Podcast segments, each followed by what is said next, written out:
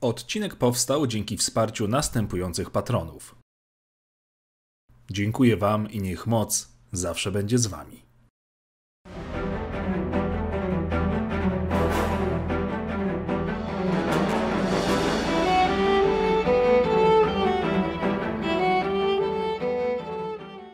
Witajcie w Holokronie. W tym odcinku przedstawię Wam dokładnie, jak wygląda kodeks SIF, jakie były jego zasady i jakie wartości przyświecały użytkownikom ciemnej strony mocy, którzy decydowali się kroczyć ścieżką pradawnych lordów. Materiał dotyczyć będzie w głównej mierze legend. Zapraszam. Jeśli chodzi o filozofię, naukę, język czy tak zwaną zasadę dwóch Darthbane'a, to na ten temat powstały już odcinki, w tym natomiast skupimy się stricte na słowach kodeksu i ich znaczeniu. Kodeks Sithów, zapisywany też pod taką postacią, był mantrą, która wzmacniała podstawowe przekonania zakonu Sithów. Został uznany za odpowiednik ciemnej strony kodeksu Jedi i został po raz pierwszy stworzony na planecie Korriban na 6900 lat przed rokiem zerowym przez heretyka Jedi Sorzusa Syna. Kod pozostawał niezmieniony przez tysiąclecia. Nawet Lord Sithów Darth Bane wciąż nauczał słów Sorzusa Syna, kiedy zaczął odbudowywać zakon Sithów na około tysiąc lat przed bitwą o Yavin. Kodeks prezentuje się następująco. To oczywiście tłumaczenie, bowiem oryginalny zapis był w języku Sithów i wyglądał tak. Niektórzy spekulowali, że kodeks Sithów został stworzony w bezpośrednim kontraście do kodeksu Jedi, aby zilustrować fundamentalne różnice filozoficzne między zakonami. To z pewnością mogło tłumaczyć pierwszą linię kodeksu Sithów, w której pomijano proklamację pokoju Jedi, a także podobną strukturę dwóch mantr. Jedi usilnie twierdzili jednak, że kodeks Sithów mówił tylko o indywidualnych potrzebach i pragnieniach wyznawców ciemnej strony. Przeanalizujmy teraz każdy wers po kolei. Spokój to kłamstwo, jest tylko pasja. Według Jutury Ban, praktykującej twilikanki, będącej sitem, która nauczała w Akademii na Korriban, pokój Jedi oznacza brak konfliktu, co oznacza, że był czynnikiem stagnacji. Jednak konflikt był postrzegany jako źródło postępu, zarówno dla pojedynczych istot, jak i całych cywilizacji. Stwierdziła również, że konieczność konfliktu jest prawem wszechświata, a nie tylko myśleniem sitów. Zasadniczo kodeks Sithów wyrażał odrzucenie bezinteresowności i pełne przyjęcie pasji i pożądania. Chociaż niektórzy ludzie zwrócili się ku ciemnej stronie z powodu filozoficznego ideału lub nawet chcieli wykorzystać jego brutalne mocy do celów altruistycznych, wszyscy Sithowie byli tak naprawdę więźniami własnego pragnienia władzy. Dzięki pasji osiągam siłę. Sithowie uważali się za poszukiwaczy i zdobywców, stojących w kontrze do starych i zastałych sposobów w kontakcie z prawami natury i wszechświata. Widzieli, jak Jedi zaprzeczają swojej naturze i boją się otaczającej ich prawdy.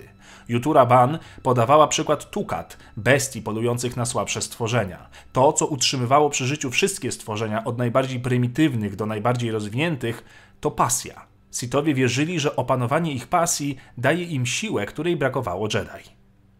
Dzięki sile osiągam potęgę.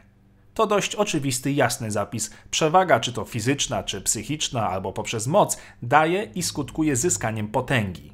Bez walki zwycięstwo nie ma znaczenia, bez walki również człowiek nie posuwa się naprzód. Innymi słowy, bez walki jest tylko stagnacja.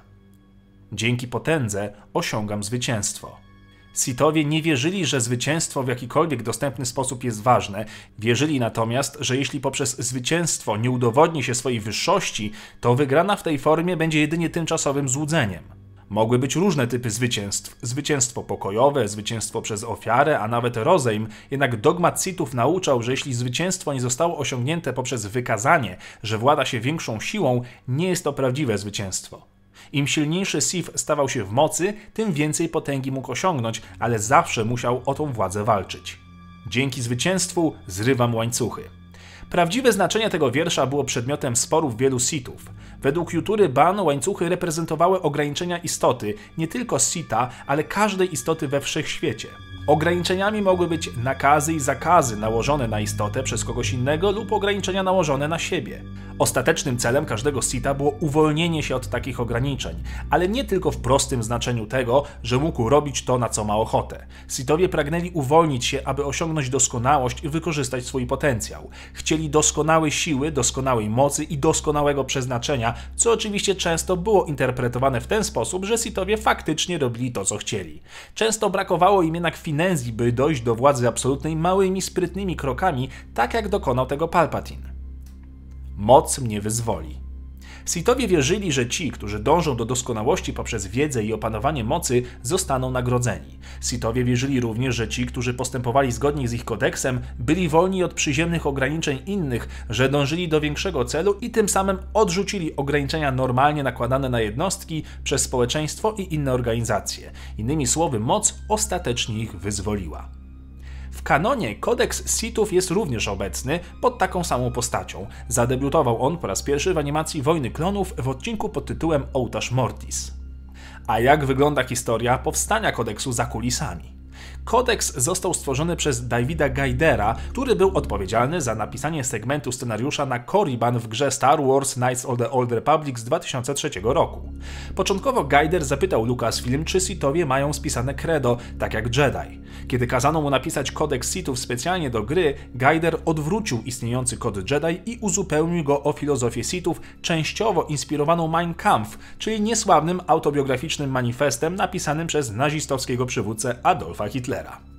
I to tyle na dzisiaj. Dzięki za oglądanie. Pamiętajcie, by wbijać na holokronowego Discorda, odwiedzać fanpage i rozważcie zostanie patronem serii na serwisie Patronite. Niech moc zawsze będzie z Wami.